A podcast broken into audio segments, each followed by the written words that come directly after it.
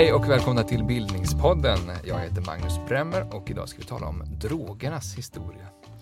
Eh, vi sitter här som vanligt i en studio på Stockholms universitet och eh, idag har vi med oss tre droghistoriker. Men ni får presentera er lite mer nyanserat än så. Ja, mitt namn är Christian Pettersson. Jag är doktorand i religionshistoria vid Uppsala universitet och skriver en avhandling om modernt andligt bruk av psykedeliska substanser. Mitt namn är Isabelle Ståhl och jag skriver en avhandling i idéhistoria om experiment med eh, hallucinogena droger eh, i 20 och 30-talens Tyskland inom psykiatrin. Jag heter Daniel Berg och har disputerat på en avhandling om opiumhandeln i Sverige under sent 1800-tal fram till 1925. Varmt välkomna. Tack! Tack. Tackar, tackar. Ska vi börja med att definiera vad en drog är för någonting? Vågar ni göra det? En psykoaktiv substans. Mhm. Jag skulle va- gå så långt och hävda att det inte behöver vara ens psykoaktivt. Vi- Alltså, nu, nu måste vi börja med att definiera psykoaktivt innan Christian får komma in. Vad menar ni då? Det, det finns ju eh, droger som... Eh, växtdroger var det vanligaste förstås tidigare. Man tog eh, ett ämne som var biofysiskt verksamt i kroppen. Det var en drog. I, i Mm. Italien eller Frankrike heter det fortfarande en drogeria. Där man köper bara alla typer av ämnen som är verksamma medicinskt och. Och växter menar du med att man tuggar på blad och grejer och sånt? Eller framställa droger av Fram- växter? exakt. Men det fanns ju också då från metallriket eh, riket då, som Mhm. arsenik eller mer, eh, Mm. så. Men det vi pratar om idag är naturligtvis sådana droger som är psykoaktivt aktiva. Mm. Påverka, påverka psyket helt enkelt kan man säga, eller? Ja, På olika sätt som vi kan komma in på. Christian, vill du definiera också? Eh, Jag använder samma definition faktiskt, att det är en Mm. psykad substan- substans eh, som en generell ingångspunkt. Men det där är ju såklart jättesvårt att... Hur många gånger har ni hört kaffe är också en drog? ja, det är en psykoaktiv substans. Ja, okej. Från växtriket. Så det är, det är seriöst att säga så? Ja, Det ju- det, Ja. ty- det tycker jag absolut att det är. Vissa Eh, studier visar ju att man kan få hallucinationer om man tar mer än sju koppar per dag. Mhm. Det är ju oseriöst att säga motsatsen. Ja, okej. Sju- Mer än sju koppar per dag, det är intressant. Jag inser att jag ligger ja, i riskzonen. Jag, jag tycker den frågan är också intressant, att man, man eh, kvalificerar, men är, är det seriöst att säga det? För det avslöjar också någonting om hur kanske du tänker om droger när du ställer Mm, den mm. frågan. frågan. Att, att droger är ju ändå någonting som vi associerar med liksom, kanske ganska kraftiga effekter. Det gör någonting med att vi, vi eh, hallucinerar eller vi blir väldigt pigga eller vi blir liksom uppåt eller neråt och så vidare. Mm. Och är det då saker som inte riktigt passar in i den mallen så kanske man inte liksom, populärt tänker på Mm. det som en, som en drog.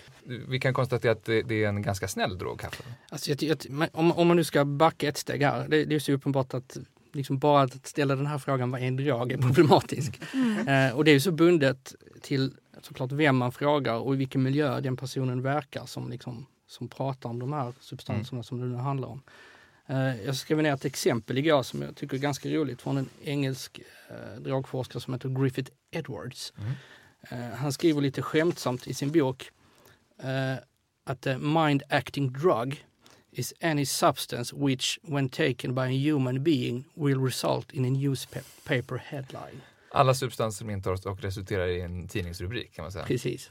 Okej. Och det säger ju någonting om hur, hur eh, nära associerat begreppet drog är med Mm. vissa substanser som finns i populärkulturen och i våra liksom, eh, offentliga samtal om vad droger är för någonting. Det Det är var mycket narkotika i princip. Ja, det var ett mycket hårdare krav på vad en drog är än vad ni ställer kan man säga. Ja. Och måste jag då få tillägga, en mycket modern syn på droger. Mm. Ja. Eh, jag forskar ju på apotekarna på sent 1800-tal. Och för droger är ett begrepp som är oerhört generellt, som hä- hänger samman med, med gifter, farmakon. Eh, som omfattar då inte bara psykoaktiva substanser. Det här är någonting som kommer med det moderna drogproblemet. Och droger plötsligt, precis som vi uppfinner ordet knark i Sverige. För att försöka beteckna någonting nytt. Vi försöker skilja ut vissa droger som droger. Eller vissa droger som narkotika. Så kokain är narkotika fastän det knappast är sömngivande så vitt jag vet. Jag, jag vet ingenting alls om den saken. Men jag kan tänka mig att kokain inte alls är, har en narkotisk verkan på det sättet som man föreställer sig. Att Knark är ganska, det, det, är inte bara ett eh, unikt svenskt ord, det är också ganska unikt att ha ett sån typ av ord menar du? Men det är typiskt för hur vi också börjat förstå droger, Mm. menar jag bara. Mm. Att vi har försökt ringa in någonting särskilt med ordet drog. I 20 och 30-talens Tyskland så pratade man ju om rusgifter och bedövningsmedel, vilket jag tycker är bättre än droger. Mm. Varför då? Därför att det är mer precis och Mm. eh, säger mer om vad de gör. Vi har fått en provkarta här av eh, vad vi ska komma och prata om också lite mer. Eh, innan vi fördjupar oss allt för mycket kanske vi skulle bara säga vad, vet ni vilken, den, vilken är den första drog vi känner till i världshistorien? Jag vet att man i Kina har upptäckt 9000 år gamla eh, fermenteringskärl för alkohol. Mm. Man vet också att det finns opium, tecken på opiumbruk eh, bruk 5000 år gamla i Europa. Det tror jag är de två äldsta, som jag känner till i alla fall. Mm. Eh, Mm. Ja, jag skulle hålla med om det. Mm. Speciellt alkohol är ju förmodligen den första. Mm. Det finns ju till och med djur som använder eh, fermenterade frukter, alltså apor som berusar sig. Ja, de väntar på att frukterna ska, ska jäsa i solen innan de äter dem. Så att om djur kände till det så är det ju ganska sannolikt att, att tidiga människor också kände till jästa frukter. Och, och, eh, Ja, Man, sö Det beror man sökte upp de här jästa frukterna. På ja, precis. Man vet ju också hur kaffe upptäcktes, att det var getter som hittade, eller som, som åt de här bären och blev pigga i Etiopien. Mhm. Mhm. Jag Menar, så att, och säkert samma sak med efedra och mängder av de här växtdrogerna, återigen växtdrogerna, Mm. har antagligen evolutionärt vuxit fram eh, för att knyta an till vårt signal, våra, eh, våra, vårt nervsystem helt enkelt. Mhm. Det, eh, Så drogerna har en slags agens. drogerna har, eh, deras gener har evolutionärt vuxit upp i ett tryck tillsammans med, i symbios med eh, nervsystemen hos eh, Mm. högre stående djur. Så att eh, gissningsvis är det ingen slump att opiumkapseln producerar ett ämne som är extremt likt endorfinerna som reglerar vår, våra kroppars smärt och njutningshormon. Säg något kort om, om opium bara, vad är det för typ av drog? Som ett, eh, som ett historiskt exempel på en drog som kanske många har hört talas om. Ja, just det. Opium är alltså den växtdrog ur vilken vi framställer idag morfin och heroin och de här tunga, det som kallas opiater. Mm. Det har använts då som sagt 5000 år finns det lämningar av att man har haft opium. Vad är, vad är det man hittar? Alltså, vad, Frön och... Eh, vad är, växer det på träd? Förlåt. Eh, nej, det här är alltså en blomma. Det är en blomma. Det är vallmoblomman, en av de olika vallmoblommorna som finns. Eh, Papaver somniferum för den latinkunniga. Mhm. Och den här eh, kapseln kan bli mycket stor om man avlar fram den. Och Mm. dess mjölksaft innehåller höga halter utav morfin och många andra alkaloider som vi Mm. använder idag och som är helt essentiella för sjukvården då som nu. Och ett exempel Isabel från din forskning om, om 20-30-talets tyska psykiatri. vad, vad, vad stoppar man i sig där? Man använder bland annat meskalin eh, som är en hallucinogen drog som man har hittat i grottor i Texas eh, och i en kol-14-datering av eh, det här meskalinet så visar det väl att det är omkring 3700 år gammalt. Mm. Åh jäklar. 3700 år före Kristus. Det är gamla Så. saker det här med droger. Ja. Och du Christian, vi har ju for- forskat om eh, droger i religionen kan man säga, andliga syften. Mm. Eh, vilken är den vanligaste drogen där? Ja, det är ju olika typer av hallucinogener. Eh, bland annat eh, kaktusar som innehåller just meskalin som Isabel precis nämnde. Mm. Eh, men det finns ju en hel uppsjö, speciellt om man tittar på Sydamerika och ursprungsbefolkningen där. finns det ju en hel rad med plantor, kaktusar och lianer och all, alla möjliga saker som de gör brygder av. Vi ska återkomma till allt det här, men det, det, det är uppenbart att det är en väldigt gammal företeelse helt enkelt. Eh, vågar ni säga vilken enskild drog som har påverkat världen mest? Vi har ju egna favoriter också, tittar förstås. bort mot Daniel där. Ja. Jag skulle ju säga opium såklart. Eftersom det var en så stor del av eh, framväxten av den moderna världen. Alltså rent ekonomiskt. Det var en väldigt stor handel. Själva opium, opiumhandeln. Precis, Mm. det antar jag att du kan säga mer om. Eh, jag, jag satt och tänkte lite på det här för att Mm. det är ju det är ett tätt lopp alltså. Eh, vi har dels, om man, det beror ju på hur man ser på historiska händelser, kausaliteter och Mm. sådär. Men tobak till exempel Mm. var avgörande för att etablera kolonierna på ett ekonomiskt sätt i USA, alltså de brittiska kolonierna. Utan att man gjorde ju tobak till den enda legala valutan. Och innan man hade infört tobak som begärsvara och lyckats skapa handel med moderlandet med tobak så misslyckades varenda kolonisation av USA i norr om Florida. Så det skulle ju vara en anledning att hävda att tobak faktiskt är förvånande skulle vara en vikt, mycket, mycket viktig. Eh, så. Men, det är en väldigt vanlig drog idag kan man säga. Ja, eh, och dödsfallen har nog antagligen varit väldigt höga. Om man vill se vikten utav det på ett ja, negativt sätt. Påverkan, annan form av påverkan. Opium har ju fött fram, precis som alkoholen, två stycken fiskala regimer som har varit... Fiskala eh, regimer? Förlåt, förlåt, förlåt, förlåt, förlåt, förlåt. Opium, precis som alkohol, har varit oerhört viktiga för den moderna statens skattebas. Mm. Den brittiska staten, som vi vet var den starkaste staten eh, under 1700-talet, alltså den som eh, hade tyngst skattebörda och som på grund av den stora, stora skattebördan kunde uppbringa eh, pengar att dominera hela världen med The Royal mm. Navy. Det var alltså ett land som till 50 procent finansierade hela sin interna budget med alkoholskatter på då de mm. fattiga i landet. Eh, på samma sätt, på andra sidan världen, så finansierades de asiatiska imperierna under 1800-talet på att beskatta opium. Mm. Så drogskatter under den tidig, moderna tiden har varit det som burit fram förstärkandet utav den här eh, moderna staten helt enkelt. Så på sätt och vis så skulle man kunna säga att tobak, opium, alkohol var viktiga just för att föda mm. kapitalismen. Mm. Ja, det är, okay. mm. det är en, en, en, lukrativ industri på många olika sätt uppenbarligen, mm. både med handel och skatter. Uh, och uh, hänger, kan man säga att det här, det här hänger ihop med kapitalismens framväxt, är det du menar? Det vill jag absolut påstå. Mm.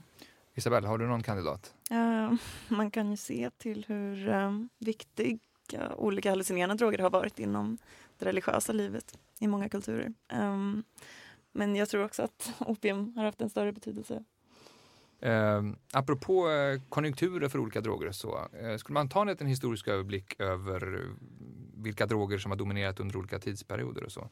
Om vi, om vi bortser från alkohol då kanske, som ju var en av de tidigare som ni nämnde. Det här skulle vara frågan om konjunkturer och strukturer enligt en historiker som är strukturalist som Ferdinand Brodell som skriver just om en struktur skulle vara det du menar med alkoholen. Det är någonting oföränderligt, någonting mm. som bara finns hela tiden som inte ens motboken eller mm. eh, förbuden under 1900-talet förmår rubba. Det är en mm. struktur. Och det du frågar efter Konjunkturer var snarare en konjunktur. Då. Mm. Alltså, så uppblomstringen utav tobak i eh, inte bara Europa, det är lite för eurocentriskt. Tobaken slår precis lika fort och lika tidigt i Asien. Mm. Eh, Kina, Japan, eh, Indonesien. Eh, det slår som en konjunktur över hela världen och förändrar ganska mycket världshandeln. Så. Mm. Eh, och då är frågan, för strukturellt så har varje kultur sin drog, eller sina, sitt drogkomplex gissar jag. Ni pratar mycket om mescalinet och det är som en, en, lång, en strukturell erfarenhet i religioner som varat i tusentals år. Men sen så kommer... Det är alltså en drog som då har funnits i en, en viss kultur? Eh, lång, lång tid, ja. Och då mm. har vi liksom eh, betel eh, i ett område i världen. Vi har efedra, beteltuggande mm. i mm, Afrika och sådär. Eh, kolanötter tuggas där. För det, det är liksom en struktur då. Man skulle kunna säga. Där innan de får en kraftig kontakt med en, en världsekonomi mm. under 1500-talet så har man en, en struktur kring en drogkultur. Oftast är det då som farorna med en drog är som lägst. För då har man ju strukturellt anpassat nästan hela sitt samhällsliv efter mm. de här potentiella farorna med drogen. Det finns en inbyggd kontroll på sätt Precis. Så ofta, när vi talar om 1500-talet och den psykoaktiva revolutionen så är det just en parallell till den colombianska utbytet, att man byter växtdroger och växter, tomater, eh, tobak, eh, ingefära, massa grejer plötsligt transplanteras över hela jorden. Mm. Det gör ju också drogerna då. Då blir det en mm. psykoaktiv mm. revolution och då mm. uppstår också en konjunktur mm. och då uppstår också nya typer av faror med droger. Mm. När man introducerar någonting helt nytt i en kultur som är van vid att dricka alkohol och så får den en helt ny. Men eh, av de där av de där stora förändringarna då och de stora kanske världsomspännande eh, konjunkturerna. Eh, kan vi säga några sådana då? Vi har, vi har eh, opium, det är vilken tid ungefär? Det är ju en, en struktur fram till 15-1600-talet men sen så blir det som en expansiv konjunktur när man eh, börjar handla väldigt mycket på Kina. När, framförallt Mm. efter det att England vid slaget vid Plassey erövrar Bengalen Mm. 1757 tror jag. Och då kan pervertera det indiska, mycket produktiva jordbruket bort från självförsörjning och mot en cash crop export Mm. på Kina. Och det är ungefär samma tid som Ostindiska kompaniet. eh, Det är just igång. det kompaniet som gör allt detta. Mm. Ja. Eh, och eh, finns det någon tidigare sån där eh, boom? Det, det, boomarna hänger ihop med, med handeln kan man säga. Kaffet är ju tidigare och väldigt viktigt också. Kaffe är ju en vara som Mocka, staden Mocka har monopol på. Mm. I, eh, sådär. Eh, det är därför vi kallar det ofta en blå mocka eller en kopp, en kopp mocka. Mm, Det var för mm. att under lång, lång tid hade staden Mocka vid Röda havet monopol på Mm. kaffe. Men med, eh, ja, med rackarspel så fick en fransk kapten ut kaffeväxten då under 1600-talets mitt tror jag Mm. och börjar transplantera den till sina kolonier. Och då får vi Kaffet sprider sig under 1600-talet Mm. och blir som en konjunktur innan det blir innan Så opiumet, så att säga. 1600-tal ägs av kaffet kan man säga. Ja, sent 1600-tal. Och Sent 1600-tal. det har forskare som eh, Schwibelbusch till exempel menat kan förklara upplysningen. Man skulle kunna lyfta in kaffet och teet som eh, väldigt viktig också. Inte bara tobak, alkohol, opium utan just de här koffeinstinna dryckerna som Mm. ersätter de mer bedövande alkoholdryckerna i Europa och plötsligt skapar ett irritabelt upplysningssinne som kritiserar allting och vill liksom bara arg, arg, arg, arg, arg. Vilken fantastisk teori. Den, den köper vi rakt av tycker jag. Eh, Men har vi, då har vi kaffe sent 1600-tal, vi har opium på 1700-talet. 1800-talets eh, stora drog då? Ja, kanske faktiskt. Du har ju pratat om 1800-talet som det kemiska århundradet och som också opiumets stora århundrade väl? Ja, just det, isoleringen av olika alkaloider i opiumet. Ja, Så det är en transformation av opiumets kemi. Har vi någon annan sån där, någon kemisk eh, drog från, 18 från 1800-talet? Som, ja man börjar ju använda hasch i mm. konstnärskretsar i eh, Paris, vilket bland annat eh, Charles Baudelaire gör. Mm. Ehm, Fransk poet. Ja, Mm. precis. Ehm, man Och- inspireras mycket av ehm, det orientaliska bruket av um, hasch och eh, man fantiserar om eh, den ädle vilden och eh, deras bruk av cannabis. Och här är det ju inte en, eh, bara en konjunktur, det är också en trend kan vi säga. Ja, I inom... den mån det går att skilja de två sakerna. Visst. Eh, och eh, 1900-talet? Eh, och- Om man backar lite tillbaka till 1800-talet här. Ja. Det är någon Eh, konkurrent här nu till. Ja, precis. Mm. Eh, nej, men det är som vi varit inne på att opiumet är väldigt viktigt. På 1800-talet kommer ju också de morfinet och heroinet som börjar komma på slutet på 1800-talet. Som ju sen återupptäcks igen senare. Mm. Eh, och det har ju såklart väldigt stor eh, innebörd för, eh, för sjukvård. Mm. My- mycket på den tiden som man kunde göra det var ju bara att behandla smärta i princip. Man, man var glad om patienten man hade inte, inte hade ont helt enkelt. Eh, och det fick ju då också andra konsekvenser. Bland annat kommer ju, om jag inte minns fel, så kommer väl den moderna kanylen uppfinns väl också på 1800-talet. Så då finns det ju ett nytt sätt 1853. 1853 till och med. Då kommer ju ett nytt sätt att introducera de här väldigt starka substanserna i kroppen, vilket också förändrar sättet hur de här drogerna sprids och kan missbrukas såklart Mm. också. Drogerna får sina accessoarer. Under Eh. sent 1900-tal så utvecklas ju också flera av de moderna antidepressiva medlen. Mm. Just det. Vi får bara inte springa förbi kokainet. Precis, Ah, som är väldigt glömma. framträdande under 20-talet. Mm. I Tyskland så har man ehm, också mycket droger i ehm, på konditorierna så kan man köpa morfinpraliner och sådär. Och Men metamfetaminet Kokainet i alla viner, Coca-Colan och så vidare. Ja. Coca-Cola är just ett sånt kul exempel för det var en av de här de här kockavinerna som fanns, vin Maria- Mariani och de här sakerna som kom då. Men eh, Pemberton då som, som vad- eh, tog fram, Mm. tog fram eh, Coca-Cola. Kan man kalla den uppfinnare av Coca-Cola? Ja, Receptmakare. apotekare var han. Apotekare var han. Så han skapade ju en tinktur helt enkelt. Precis. Tinktur. Vi, vi, det får ni slå upp. Vad, vad han, Nej, han, men jag, han framställer tänkte- jag Coca-Cola tänkte kan man säga. att Coca-Cola från början togs ju då fram som en sån här kockavin. Det innehöll också eh, kolanöten, därav kola i namnet. En Mm. Nötter från norra Afrika tror jag Mm. den växer i. Eh, det, som också har då uppiggande effekter likt Koffein. kaffe. Precis, Mm. det är väl koffein som är i kanske till och med. Men det här tycks ju då fram eh, det moderna receptet på Coca-Cola som en del för att tillmötesgå eh, dels ny syn på droger, alltså rent lagmässigt och kulturmässigt. Mm. Men också för att eh, på något sätt blidka nykterhetsrörelsen så att han hade en Mhm. bas att sälja så att de också kunde ta del av, eh, av eh, uppiggande medel utan att behöva dricka Ja. alkohol. Var det inte en magmedicin också? Det var nog en universalmedicin. Ah, ja. Det fanns fontäner man kunde gå och dricka Coca-Cola och Herregud. man hade huvudvärk eller hemmafruar som var ledsna eller deprimerade eller allt möjligt. Så att Mm. det var, det Ja, var- samma sak med metamfetaminet i Tyskland i tredje riket. Som, Fanns det metafentaminfontäner?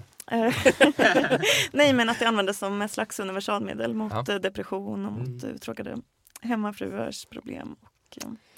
Ja, vi har fått en utmärkt överblick känner jag nu. Över, ska vi, apropå detta att det finns tillgängligt på konditorier och sånt, ska vi ta något om toleransen när det gäller och, kanske regleringen när det gäller eh, eh, droger? Hur har, hur har det där förändrats? Är vi, vi är knappast mer toleranta idag jämfört med 1700-talet. Nej, det beror lite på. Det här är också en sån där svår fråga som anknyter till det vi började med. Vad, vad är en drog? Mm. Eh, för på den tiden så tänkte man inte på droger så som vi gör nu. Mm. Det fanns inte ens ett ord för droger. Det kom väl, det kom väl någon gång på medeltiden. Ordet drog kom från, från de här tunnorna som örterna förvarades i. Mhm. Eh, drog eller något liknande på holländska om jag minns min historia rätt. Och sen Så det är då- själva Ja, kärlet? det var kärlet, ja. Sen blev det benämningen på de här substanserna, eller örterna. Mm. Eh, för att Det är då, ungefär som de- att vi säger skål för att man drack ur skålar. Ja. Nej, men jag, jag tänker att det var först när man började förstå hur man kunde utvinna saker ur de här olika växterna Mm. som man behövde ett namn för det man utvann. Innan så la man kanske växterna i någon, i någon alkoholblandning eller något liknande eller bara tog dem rakt av. Mm. Men sen då eh, kom ju den moderna, mer moderna sättet att försöka, där man upptäckte att man kunde utvinna substanser ur Mm. de här växterna. Men tol- toleransen hänger ihop med hur, synen på droger? Ja, lite så. Och då tänker jag också att eh, det här med, vi tänker oss att från, ska vi säga 1800-talets slut kanske, eh, så kommer den här moderna synen på att man kan vara en missbrukare. Mm. Att man är någonting eller att drogerna gör någonting med en. Innan så tänkte man väl mer på eh, det som ett, en moralisk defekt kanske. Mm. Eh, han är ett fyllo, det är inte så att han liksom är beroende av alkohol, men han har, han har något han, han har inte rätt, han är inte vid sina sunda vätskor eller något liknande. Eh, Så att han, han dricker för mycket eller något liknande. Men det Hur, fanns hur mycket inte... hänger det ihop med att det har blivit trendigt bland 1800-talsbohemer? Alltså, droger kopplas väl särskilt under 1900-talet ihop mer och mer med degeneration och eh, också med det främmande. Det Att judiska kopplas mycket ihop med Mm. eh, att ta droger Mm. i Tyskland på 30-talet, Mm. paradoxalt nog. Mm. Eh, Men är det, är, är det i slutet av 1800-talet som man verkligen börjar också försöka reglera handel och sånt där och så? Eller? Handeln är ju naturligtvis reglerad sedan tidigare. Just som Mm. jag sa så är det ju en fantastisk inkomstkälla till staten. Så Mm. reglering ska vi skilja mycket hårt från förbud. Ja, okej. Det är en väldigt viktig... Förklara skillnaden. Du reglerar ju biltrafik idag. Men du förbjuder inte biltrafik. Mm. Men idag så förbjuder vi droger helt och hållet, vissa droger. Mm. Det vi kallar narkotika. Mm.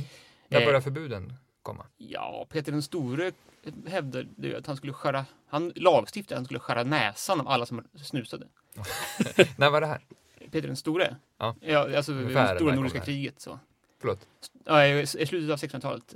Så men, vi har ju haft drakoniska lagar mot vissa droger, oftast nya droger. Drakoniska lagar.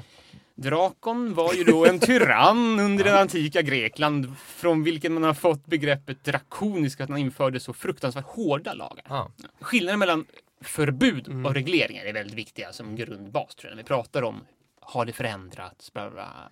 Sverige är ju tidigt ute att just patologisera, sjukdomsförklara och skapa sjukdomsteorier kring drogbruk. Det är precis det som du är inne på. Magnus Huss är den som introducerar begreppet alkoholism och sen så sprider det sig till koffeinism och så morfinism med Levin 1877. Mm. Så sent 1800-tal är just tiden när man börjar se droger ett, som ett problem på ett nytt sätt. Och då kommer medicinska regleringar, alltså regleringar, inte förbud, mot droger som sjukdomar, som sjukdomsproblem, ämne för läkarnas regleringar. Mm. Själva beroendet då? Eller? Ja. ja. Så vi får vård för beroendet. Så att säga. Mm. Då är det inte en fråga för präster längre. Så redan här är, det, är Sverige eh, tidigt i historien med att börja Det är som att Sverige har en väldigt eh, nära relation med alkohol till exempel och alkoholproblem. Mm. Och att vi dessutom har en, eh, ja, en, vi är långt framme i kemisk vetenskap och vetenskaplig teori. Så det faller sig naturligt då att Mm. det också blir den här moderna Mm. synen Mm. på droger som ett eh, kem, biokemiskt problem, Mm. Inte ett moraliskt Ja, och problem. precis, och det, där är ju, det, det är just den här utvecklingen, att kort från kanske var ett moraliskt problem Mm. för individen att liksom behandla med sina vänner eller prästen eller vad det nu kan vara, Mm. till att bli ett medicinskt problem. Och sen i ett nästa steg blir det också ett samhällsproblem. Att man då behöver, eh, som du är inne på där, man, man måste stifta lagar och annat för att inte eh, för att det inte ska sprida i samhället. Mm. Tidigare då i det här mellansteget då tänkte man ändå att det här kan ju läkare hantera. Det är ingenting som vi behöver lagstifta om annat än att vi kanske ska beskatta det eller någonting, för det var ju en väldigt stor handel och det tänker jag internationellt också, Mm. inte bara i Sverige då. Mm. Eh, och sen det här nästa steg då där USA framförallt har varit framdrivande. Och det finns ju både ekonomiska och politiska orsaker till att, till att just eh, USA var så drivande i att eh, stifta internationella regler kring hur narkotika får hanteras. De hade inte riktigt samma ekonomiska incitament som de europeiska länderna för de, de var inte så inblandade i den handeln. Eh, däremot så ville de ju gärna sprida sin, sitt, eh, den här idén att de är någon slags eh, nation som ska ta hand om hela världens länder. Mm. Så de ville sprida sin närvaro i Asien framförallt. Eh, och lade fram eh, förslag på hur opium skulle regleras, Mm. framförallt det, eftersom det var den stora varan. Eh, vilket i sin tur då ledde till att eh, de stiftade lagar i sitt eget land för att de skulle kunna föregå med gott exempel när de sen skulle ställa krav på den internationella eh, samfälligheten att stifta lagar internationellt och så vidare. Mm. Eh, och det, det är en väldigt lång och komplex historia. Så här, men det, det är i alla fall någonting som börjar i slutet på 1800-talet, att man börjar tänka på det här utifrån ett större perspektiv än att det här är någonting som bara läkare ska ta hand om eller Mm. som bara den individen själv ska ta ansvar för, utan det blir en mycket större betydelse. Men uppenbarligen så händer det någonting vid den här tiden som har massa olika komplexa förklaringar. Men det är också tiden där, där drogerna väl börjar eh, bli ett allt vanligare, blir ett allt vanligare motiv i konst och litteratur. Ja, pratar vi nu om 1800 Sent 1800-tal, tidigt sent 1900-tal tänker 1800-tal? jag. Ja, absolut. Hänger, Ehm, hänger det ihop? Att drogerna flyter in i, i, i kulturen och blir någonting som man eh, beskriver och gestaltar erfarenheter av. Och eh, en, fram, framväxande disciplinär apparat. Man kan, man kan ju börja just det. Det finns en, eh, jag tror, jag tror han är amerikan, möjligtvis brittisk, en drogforskare som heter David Courtwright. David D. Courtwright. David D. Courtwright till och med. Eh, och han har identifierat ett mönster hur det går till när droger sprids till ett mer populärt eh, bruk. Och det är ofta så att en drog introduceras som en medicin. Det gäller ju all de vi har pratat om redan, opium, morfin, heroin, de börjar som någon slags medicin inom läkemedel. Och det gäller också psykedeliska substanser eh, efter att eh, LSD upptäcktes på 1940-talet Mm. eh, och började användas av psykiatriker för att i början ville man simulera. Man tänkte sig att det här är, så här upplever nog schizofrena människor tillvaron. Vi vill liksom förstå deras, deras sätt att känna inifrån så kan man själv ta de här drogerna. Så Men- i den här tiden är det vanligt att det flyter in via, via medicinskt bruk först. Ja, och, och det, det, gäller, det gäller liksom ganska ofta när det gäller, Mm. eh, men så kommer det då någon entreprenör, en kulturell entreprenör med någon fiffig idé att det här skulle man ju kunna använda på något annat sätt. Mm. det här känns ju bra att ha eller det här skulle jag kunna använda mig av för att inspirera min konst eller min musik. eller Där har vi, LSD är verkligen en sån LSD är verkligen en sån drog som Mm. är förknippad med det. Och, eh, men även heroin som fick fäste i, i jazzmiljön Mm. i, i USA till exempel som är väldigt förknippad Det blir en jazzdrog. det blir en jazzdrog Mm, som man mm. brukar kalla det. Så att, så att det finns ju det, det brukar alltid börja i den ändan att det, det är någon som liksom lyfter fram det som på ett sätt som det inte var tänkt som. Isabel, det, eh, apropå då den tyska psykiatrin, 20-30-tal. Eh, här finns det också ett, eh, lite av liksom, överlappande användning medicinskt och eh, inom eh, forskning Ja, och, och kultur på olika sätt. Ehm, ja, ja men, ehm, jag undersöker ju då läkare som ehm, utför experiment på sig själva med hallucinogena droger i syfte att uppleva psykoser inifrån. För att de vill känna mer empati med psykotiska människor, känner, säger de. Men de är också väldigt nyfikna. Så det är för att för- förstå, förstå sitt forskningsobjekt bättre så tar man droger. Ja, precis. Eh, För att få större inlevelse Mm. och eh, förståelse. Ehm, Men de är också väldigt intresserade av psykosen och vad den kan säga oss om ehm, den moderna människan. Hur kom man Eh. på själva idén? Ehm, Det var ett beprövat koncept väl uppenbarligen att, att vilja... Ja, faktum är att de här läkarna refererar ju till Baudelaire. De ser honom som sin förebild. Ehm, De, också den moderna psykiatrins ja, grundare, som man brukar säga det, ehm, Emil Kraepelin utför många experiment med eh, hallucinogena droger under Mm. redan 1890-talet. Mm. Ehm, han utför även experimenten på sina patienter som redan är psykotiska. Mm. Ehm, men ehm, Vad, vad, kom man, vad, vad kom man fram till? Ja, man kommer fram till väldigt många olika teorier. De här läkarna har många fantasifulla teorier om den moderna människan. De ser psykosen eh, som ett tillstånd som är väldigt likt med vad de kallar primitiva människors föreställningsvärldar. Um, ehm, och de vill då få tillgång till de här primitiva själstillstånden som de kallar det genom att ta de här drogerna. Um, så de upplever ju den moderna tiden, 1900-talet, som mm ja, men man har förlorat någonting som man förut hade eh, tillgång till. En mer direkt eh, oförmedlad upplevelse av verkligheten. Och efter första världskriget så eh, finns det många sådana tankegångar. Man ser lite första världskriget som en, ja, ett kulmen på ett krönet på den liksom, västerländska kulturen och att efter det kommer allting att ja, bli sämre. Um, Mm. Man beklagar mycket det liksom, kognitiva förhållningssättet till verkligheten som Vad menar du då? jag menar att eh, de väldigt många tyska filosofer under den här tiden som Spengler och också Martin Heidegger, en annan filosof, beklagar det tekniska och eh, beräknande förhållningssätt som den moderna människan har fått till Mm. det hela, eller ja, som egentligen de menar präglar liksom, hela det västerländska förhållningssättet till verkligheten.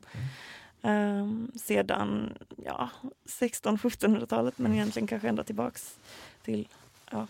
Ehm, men, och drogerna blir då en slags genväg till, Till den upplevelsen, det, det tillståndet? ja, till ett mer autentiskt och direkt Mm. begripande av verkligheten. Mm. Bland annat så kännetecknas ju drogförsöken av att försökspersonen blir ett barn. Man eh, betonar det att man eh, blir som ett barn och eh, att man inte kan... eh, Man blir väldigt... eh, Gud, Man har ja, inte kontroll över sina handlingar? Alltså. Ja, Mm. precis. Ehm, Ja, en rolig tanke jag får där är just längtan bort från förnuftet. ja. Mm. Eh, bara 40 år tidigare, eh, det vill säga innan första världskriget, innan Oswald Spengler, så, eh, så civilisationens undergång och sådär. När man tänker sig att europeiska kulturen är bara på väg rakt fram med förnuftet ända sedan eh, Kant. Liksom. Mm. Då sitter en läkare i, i Wien och i, känner sig typ anormal och galen. Mhm. Och han passar inte in. Han är jude. Det funkar inte för honom. Han, kall, han heter då Sigmund Freud. Mm. Och han ser på droger på ett helt annat sätt. Han vill in i förnuftet. In i nykterheten. Han är ju tokig. Han inser jag är, jag är galen. Och han blir kär i kokainet som just har lanserats. Mm. Och han, när han tar kokainet så känner han sig för första gången skriver han ett brev till sin fru. Dels superkåt, liksom. nu jävlar. Nu. Men också, förutom det så tänker han, han går på en societetsfest hos antisemitiska aristokrater. Han försöker passa in i vinsamhället. Så. här. Och han är lysande. Han är spirituell, han är nykter. Han är som man ska vara. Och sen, Tack vare drogen. tack vare drog, kokain. Så då här har vi istället längtan efter nykterheten Mm. via drogen. Här har vi inte 60-talets far out helt enkelt. Nej, här är det tvärtom. Man är väldigt medveten om att alla människor är sjuka i huvudet. Alltså Freuds teori går ut på att vi är galna. Så. Men eh, när han då, hans kompis dör i kokainöverdos, eh, mycket sorgligt, för att Fro- Freud själv var med och hjälpte honom eskalera sitt kokainbruk. Eh, Gnagande dåligt samvete hos Freud, han vänder sig bort mot kokainet. Och det är i den vevan som han börjar försöka återupprätta sin normalitet och andras normalitet genom ett nyktert sätt, icke drog. Som då han försöker återupprätta nykterheten, men då utan kokainet, genom att uppfinna psykoanalysen. Så drogerna har ju varit avgörande just i skapandet av den moderna psykologin. Apropå det här med hur eh, synen har förändrats eh, på droger i modern tid jämfört med förr. Så eh, en viktig faktor där är ju industrialismen. Eh, Hur då? ja, innan industrialismen växte fram då var det inte så noga om kanske folk var nyktra hela tiden. Om man gick där på sitt fält och var bunden eller någonting. Det, det gjorde inte så mycket om man, var, om man var full eller om man var hög. Men industrialismen, då behövde, eff, då behövde man effektiva arbetare. Det, det fanns maskiner i industrin, det var ju farligt. Eh, man kunde skada sig. Man behövde nyktra arbetare och då finns det också ett större incitament till att stifta lagar mot, eh, mot narkotika och opium och de lagarna som Förändrar synen på ruset på något sätt? Jag skulle säga det, för att i mina källor i alla fall och det jag vet om 1800-talets skiftande syn på rus så knyts inte rus bara till narkotika eller droger tidigt utan rus är ett tillstånd som också knyts till exempel till eh, girighet. Att man är helt manisk av sin girighet. Eh, det är ju det är många läkare som ser det som ett mycket större problem. Eh, naturligtvis väldigt asocialt. Precis som vi idag knyter asocialitet som ett av de största problemen med droger. Så En slags psykiskt problem? ja, men verkligen. Eh, också en överdriven hunger och så vidare. Så rus som ord alltså. Det knyts till de här överdrivna, eh, ja, ofta egocentriska sinnestillstånden. Där man också kan få det via droger. Men sen så knyts rus mer och mer till det eh, som kanske då strider mot industrialismens praktik. Eh, eh, och där är girighet snarare en integrerad etos Så för då att får lyckas. drogerna all skuld för, för manierna? Det skulle kunna vara en förklaring. Ja. Man kan också se efter första världskriget att eh, då uppkommer ju den nya sakligheten inom konsten. Eh, man vill ha ett mer nyktert seende där man ser saker och ting med så kallad hallucinatorisk klarhet. Eh, och det är någonting som även förekommer i de här eh, eh psykiatriska drogexperimenten. Att man får ett väldigt skarpt seende, ett nästan förfrämligande skarpt seende för vanliga vardagliga föremål. Eh, man ser världen som för första gången och den framträder i en hallucinatorisk klarhet.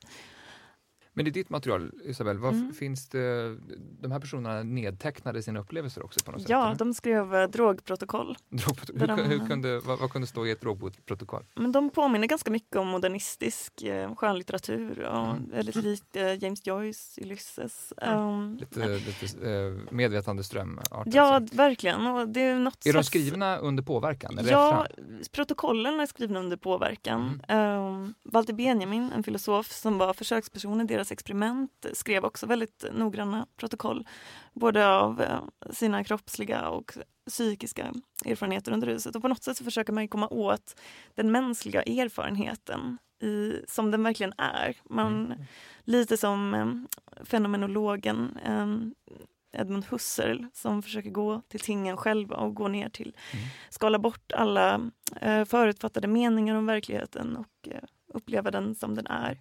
Och de här litterära teknikerna som du pratar om, de ligger ju verkligen i tiden också. Både Ja. James Joyce och i surrealismen hade man något som hette automatisk skrift som gick ut på att nå någon slags omedvetet eh, tillstånd eller Precis. i alla fall kan eh, gestalta det. Men häng- eh, eh, hänger det där ihop? Lite, Walter Benjamin eh, skriver ju om surrealismen och ser den som ett eh, lovande projekt. eh, Mm. Och eh, ja, som du säger så finns det ju verkligen likheter med automatisk skrift och så. Men det är mer kulturellt, det är inte så att eh, man nödvändigtvis behövde ta droger för att, för att använda sig av de här litterära teknikerna. Nej, precis. Um, jag tror inte att surrealisterna använde droger utan um, där ville man snarare skala bort så mycket som Mm. möjligt. Um, men uh, ja, Walter Benjamin pratar ju om drogerna som en väg till vad han kallar profan upplysning Mm. eller ingivelse. Profanen är Leuchtung Mm. som är något slags eh, immanent, alltså inom denna värld, en slags eh, upplysning eller insikt eller ja, något slags eh, sekulär Mm. religiös Ja, upplevelse. sekulär och profan och motsats till andlig. Där kommer man in på det du har intresserat över Christian. Finns det, låter det här, det som Isabelle beskriver, hur man beskriver upplevelserna, Alltså det- finns det i den andliga världen också av droger? absolut, och det, även där finns det ju direkta paralleller till hur de här entusiasterna använder sig av psykedeliska droger nu. Det är ju väldigt populärt att skriva tripprapporter. Just det. Mm. Och det är ju en form av en, en drogberättelse man beskriver, man varit med om och så, sen försöka analysera det i efterhand och se om man kan utvinna någon slags insikt i, i sanning och det här. Men, är det, det men det, samma- är- det är ju en del av eh, samma historia där. Man kan ju gå tillbaka till 1800-talet igen till en eh, religionsvetare och filosof som heter William James. Han skrev om sina erfarenheter med lustgas Mm. som han första gången upptäckte i, när han gick till tandläkaren. Eh, och kände att han fick kontakt med Gud i tandläkarstolen där, att han upplevde någonting. Och sen försöker han då skriva om, om eh, religiös upplevelse och likheter med det här som skapades av lustgasen. Vad är det som kännetecknar en religiös upplevelse? Och det återkommer sen i hela den här moderna historien med, med hallucinogener. Eh, både hos de här psykiatrikerna och filosoferna och senare tänkare och entusiaster på 60-talet och nutida entusiaster. Att man, man gör en... Här kan man, här kan man till och med eh, urskilja hur det har vänt lite. Att man på William James då spekulerar lite i om uh, finns det likheter mellan det jag upplevde i tandläkarstolen och det en mystiker upplever. Var det här en äkta upplevelse av Gud eller inte? Eller var det bara drogen som fick mig att tro att jag upplevde Gud? Och sen så tittar man lite längre fram, 50-talet skriver en uh, tänkare som heter Aldous Huxley, en bok som heter Doors of Perception. Mm. Där han... Uh, Tänkare och författare kan vi säga. äh, tänkare och författare. Eh, som, eh, som då redogör för sina eh, upplevelser och han föreslår då att det här är nog samma sak. Och sen på 90-talet då kommer en tänkare som skriver en bok som heter Food of the Gods som heter Terence McKenna. Och han tänker åt andra hållet. Att religiös upplevelse det är inte alls lika stark som den här psykedeliska. Det är bara en försmak av en äkta religiös upplevelse. Det kan man bara få med hjälp av psykedeliska droger.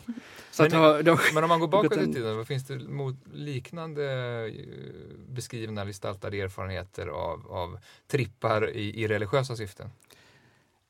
Alltså det enkla svaret är ju egentligen nej. Mhm. Eftersom det ofta ju var folk som inte hade, som inte hade skriftspråk. Ja, då går det långt. Eh, Då går det långt tillbaka. Ja. Eh, Men det finns ju beskrivningar av att man har använt substanser i olika syften. För att Eh, komma närmare Gud. Ja, för att komma närmare Gud. Eller i, i religiösa sammanhang i alla fall. Mm. Om man tittar på, alltså att, att prata om Gud, det är ju kanske ett väldigt liksom, etnocentriskt kristet perspektiv. Mm. Det är ju inte nödvändigtvis att man laborerar med de begreppen i andra former av religion. Nej, inte nödvändigtvis än heller. Nej, Mm. precis. Eh, men det finns ju många, många olika typer av religioner där det antingen används eller har använts droger eller i alla fall finns tecken på att det använts. Det beror sig på hur välvilliga tolkningar man gör eller hur mycket man vill läsa in i källorna. Mm. Eh, Och då kan man gå tillbaka ända till de kanske indiska, vediska texterna där det förekommer en substans som heter soma. Som det finns lite olika förslag, dels om det var en drog på, på riktigt eller om det bara är en beskrivning av någonting som gudarna gör. Mm. Och om det var en drog, vilken drog kan det då vara? Då har föreslagit allt från flugsvamp till cannabis till en, en psykoaktiv svamp och så vidare. Eh, så det, det finns ju inslag långt bak i historien där det förmodligen har använts eh, olika typer av substanser i religiösa syften. Mm. Och nu vet man ju att det är många eh, ursprungstimoner, framförallt i Sydamerika, som använder sig av, av diverse substanser i helande syfte eller för divination eller, eller för att utspela mytologiska berättelser och så vidare. Kan man säga att det kristna är religionen en av de minst eh, drogliberala? Det kan man ju kanske säga om man inte räknar vinet som är drogklart. Men Ja, ja. Mm. Vinet är beroende på vilken form av kristendom man pratar om. Då så är vinet mer en symbol kanske. Och det, Än- jag menar, lutherska är väl ja, strängare också. Eh. Eh, under tidigt 1900-tal i Europa så sammanfaller ju bruket av eh, hallucinogener på det här sättet med eh, kritik av moderniteten och eh, en slags sorg över förlorad upplevelse av Gud. Eh, Mm. Max Weber håller ett tal 1918 på Berlins universitet där han pratar om avförtrollningen av världen. Ehm, och att, ja, att gudarna har lämnat världen och att man och samtidigt så hittar de här läkarna, ehm, de läser olika etnologer som har varit i Mexiko ehm, och studerat ursprungsbefolkning där. Eh, och de fascineras mycket av de här um, ursprungsbefolkningarna som använder uh, meskalin bland annat mm. för att komma i kontakt med gudomliga väsen.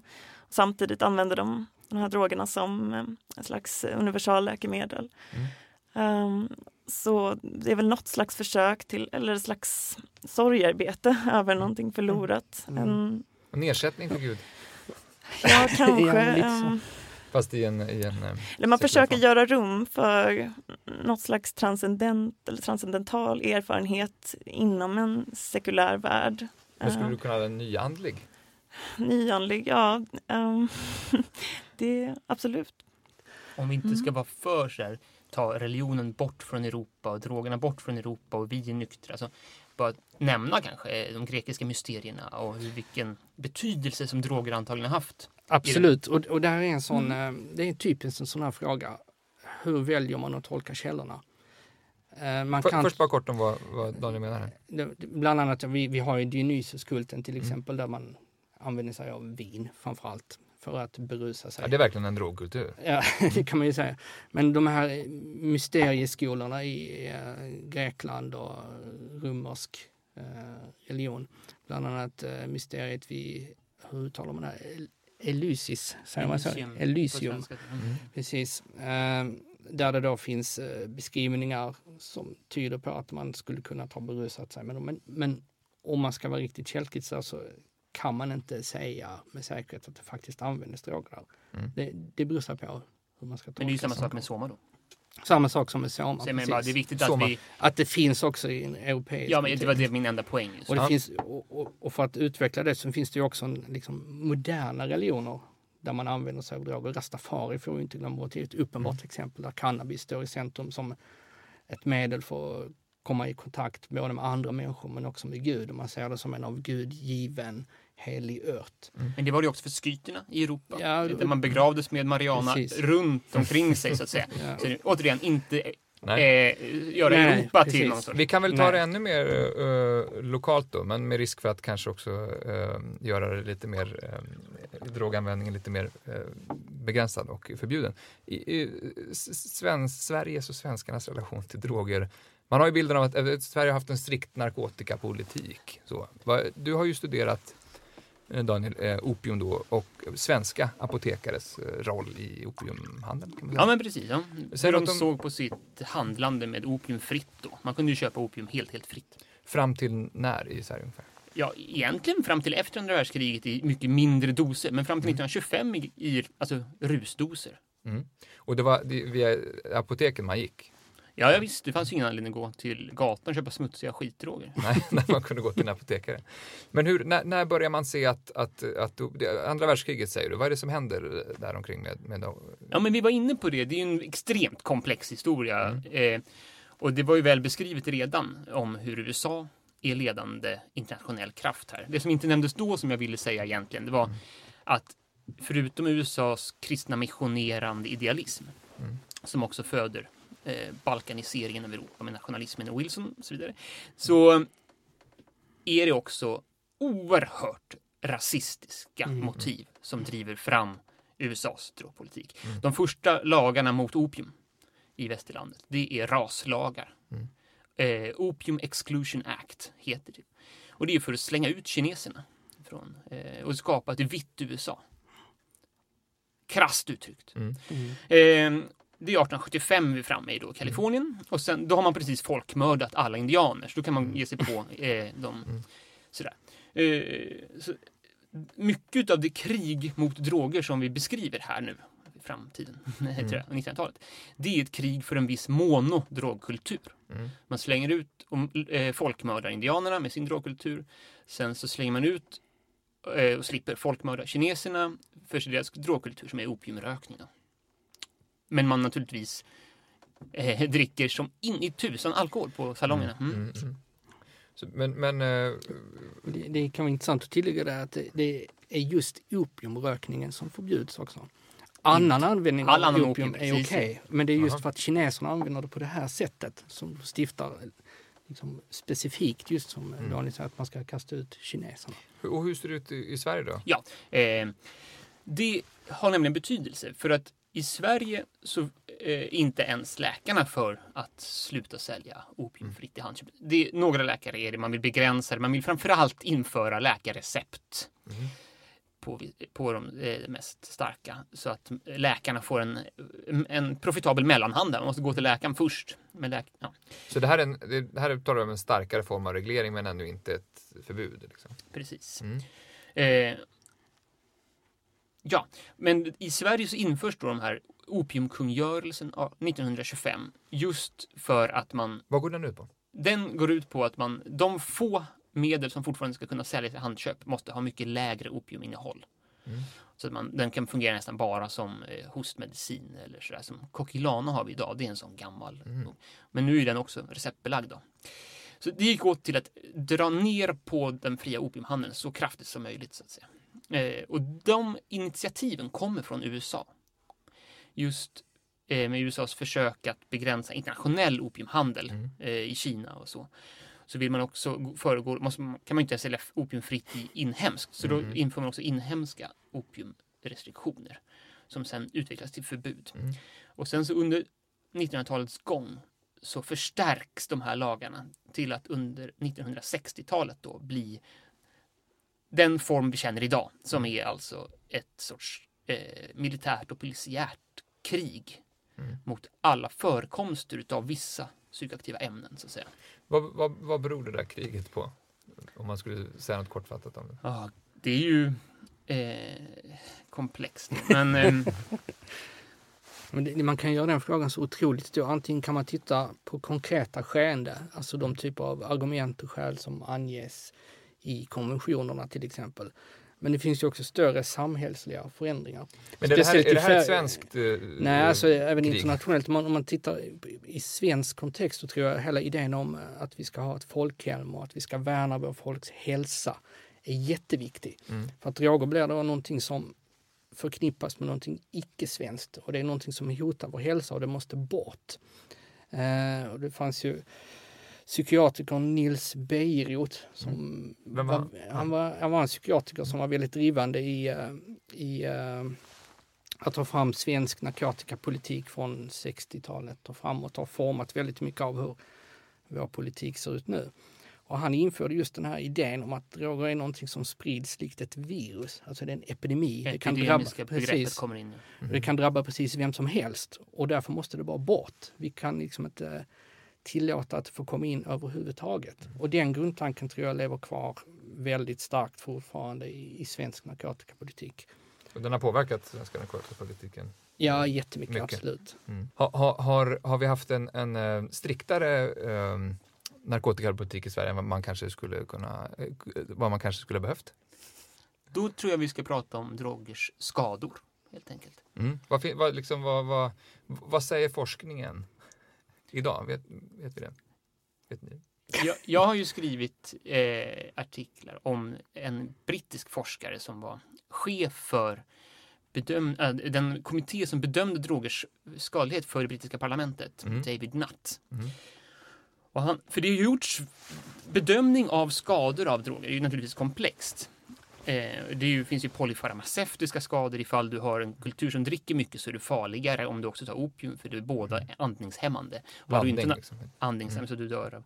Men om du skulle vara en kultur utan alkohol så skulle opium vara mindre farligt. Så det är, mass, det är en enormt komplex sak Mm, att bedöma. mm, mm. Men David Nutt gör det utifrån en, en brittisk kontext, försöker. Frågar farmakologer, socialläkare, psykologer och sammanställer det här under 2000-tal på, på order utav brittiska regeringen som vill ha en mer vetenskaplig Mm. narkotikapolitik. Mm. Och kommer fram, lägger fram sin rapport. Alkohol, och tobak är livsfarliga. Eh, LSD finns ingen som helst fara. Psilocybinsvamp, absolut inte. Vansinnigt att lagstifta mot. Det har inte funnits ett dödsfall någonsin. Det finns inte några tydliga sociala problem med det. De som brukar det, det är ju liksom väldigt välartade medelklassmänniskor som går till jobbet på måndag. Så varför är det klassat som heroin? Herregud. Så. Mm. Han får sparken. Mhm. Det här är inte det som politikerna ville höra från en vetenskapsman. Mm. och ingenting händer. Mm. Så idag, och det här är då fallet i hela västvärlden och Ryssland finns det motsvarande Ja, vi klassar ju naturligtvis eh, våra droger utifrån FNs eh, konvention om vad som är en drog. Mm. Och de sätts, de sätts inte utifrån skador från någon tydlig parameter utan Mm. eh, det görs ju utifrån eh, mycket politiska eh, val. Vad enkelt. skulle alternativet vara? Bara så man får en bild av det. Ja, ett alternativ är ju att gå på eh, just eh, fråga läkare och eh, sådär, Mm. vad jag har, och apotekare, farmaceuter, vad jag har för biofysiska skador på organismen. Mm. En, och sen så fråga experter på sociala miljöer ifall du blir asocial och galen på något Mm. sätt eh, under lång tid knutet till eh, schizofreni. Och helt enkelt lagstifta utifrån skadorna så, så, så gott vi kan mäta dem. Hur skadligt var opium på 1800-talet när det liksom var eh, inte alls lika reglerat då? Som, sen? Alltså det var väl bättre än att gå till sjukvården. Jag menar, du dog ju ifall du gick till lättare ifall du gick till sjukvården. Så det var ju Så jämförelsen bättre. haltar lite. Ja, det beror ju på vad du jämför med Ja, helt enkelt. Eh, Det var ju ett ämne som var väldigt, väldigt väl anpassat för tidens sjukdomar kan man säga. För Mm. att du hade koleran och, eh, som var dödlig. Mm. Det, opium är ju förstoppande så det är en av de få mediciner som verkligen hjälper mot rännskita. Ja, ja. Eh, sen så hade du ju hostsjukdomar, så tuberkulos och så här, som du dog av. Mm. Och opium är hostdämpande. Mm. Men det är fortfarande betraktat som ett palliativt medel. Alltså du dämpar symptom, du botar. Mm. Men de eh, fram till antibiotika nästan så dominerar ju palliativ vård. Som du, och eh, vi har nästan inga botemedel, inga, inga bra mäktiga botemedel. Och då är ju palliativa medel som kan få kroppen att tid att reda ut problemen själva avgörande. I, I psykiatrin idag så håller man väl på att omvärdera många eh, droger, användning av droger. Ändå vissa typer av, eh, av substanser och så. Eh, Där får man nog vara lite, lite mer noggrann och inte säga psykiatrin rent generellt. nej, men bra. Nyansera mig hemskt För att det, det, det handlar ju fortfarande en ganska liten grupp Mm. psykiatriker och psykologer som har intresserats och tagit upp de här spåren från 50 och 60-talet och tagit upp de här studierna hur det här eventuellt kan hjälpa till mot vissa typer av, av, eh, av problem. Mm. Eh, Allt ifrån eh, depression, eh, posttraumatisk stress, eh, folk som lider av dödliga sjukdomar som obotlig cancer, om det kan hjälpa till att få en förståelse för döden och så. Mm. Och det finns också en del experiment gjorda, bland annat på John Hopkins Hospital, Mm. där de har försökt se om människor kan få ett mer spirituellt förhållningssätt eller väcka spirituella funderingar med hjälp av ta hallucinogener i en Så där finns det en andlig koppling. Det är inte bara liksom Nej, det finns absolut en andlig koppling och det är, det är ganska mycket en andlig koppling för att den här insikten man får, det beskrivs ofta i termer som en spirituell eh, uppvaknande och liknande. Det handlar liksom inte som att man ska ta Prozac och dämpa symptomen Mm. utan det handlar ganska mycket om att man ska få en viss typ av insikt. Mm. Även om det också finns studier som visar till exempel att psilocybin-svampar eh, som då har hallucinogen verkan kan hjälpa mot vissa typer av, eh, av eh, migrän och huvudvärk i små doser. Och så här. så att det finns också en medicinsk aspekt. Men det är fortfarande en väldigt, väldigt outforskad, liksom, inte många studier och studierna är ofta gjorda på väldigt få personer. Och så där.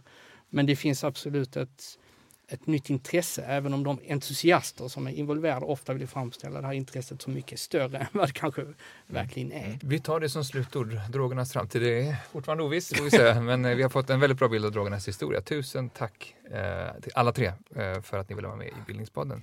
Tack så Tack. Tack också ni som har lyssnat. Eh, ni kan gå in på bildningspodden.se och läsa mer om eh, våra gäster här och deras forskningsprojekt. Eh, ni kan också prenumerera på vårt eh, nyhetsbrev. Eh, skicka ett mejl till bildningspodden su.se och skriv nyhetsbrev i ämnesraden så får ni ännu mer information om eh, aktuella ämnen och de kommande. Tack och hej! Du har lyssnat på Bildningspodden, en podcast från humanistiska fakulteten vid Stockholms universitet. Producerad av Magnus Bremmer och Claes Ekman. Podden spelas in på Språkstudion och tekniker är Henrik Nordgren.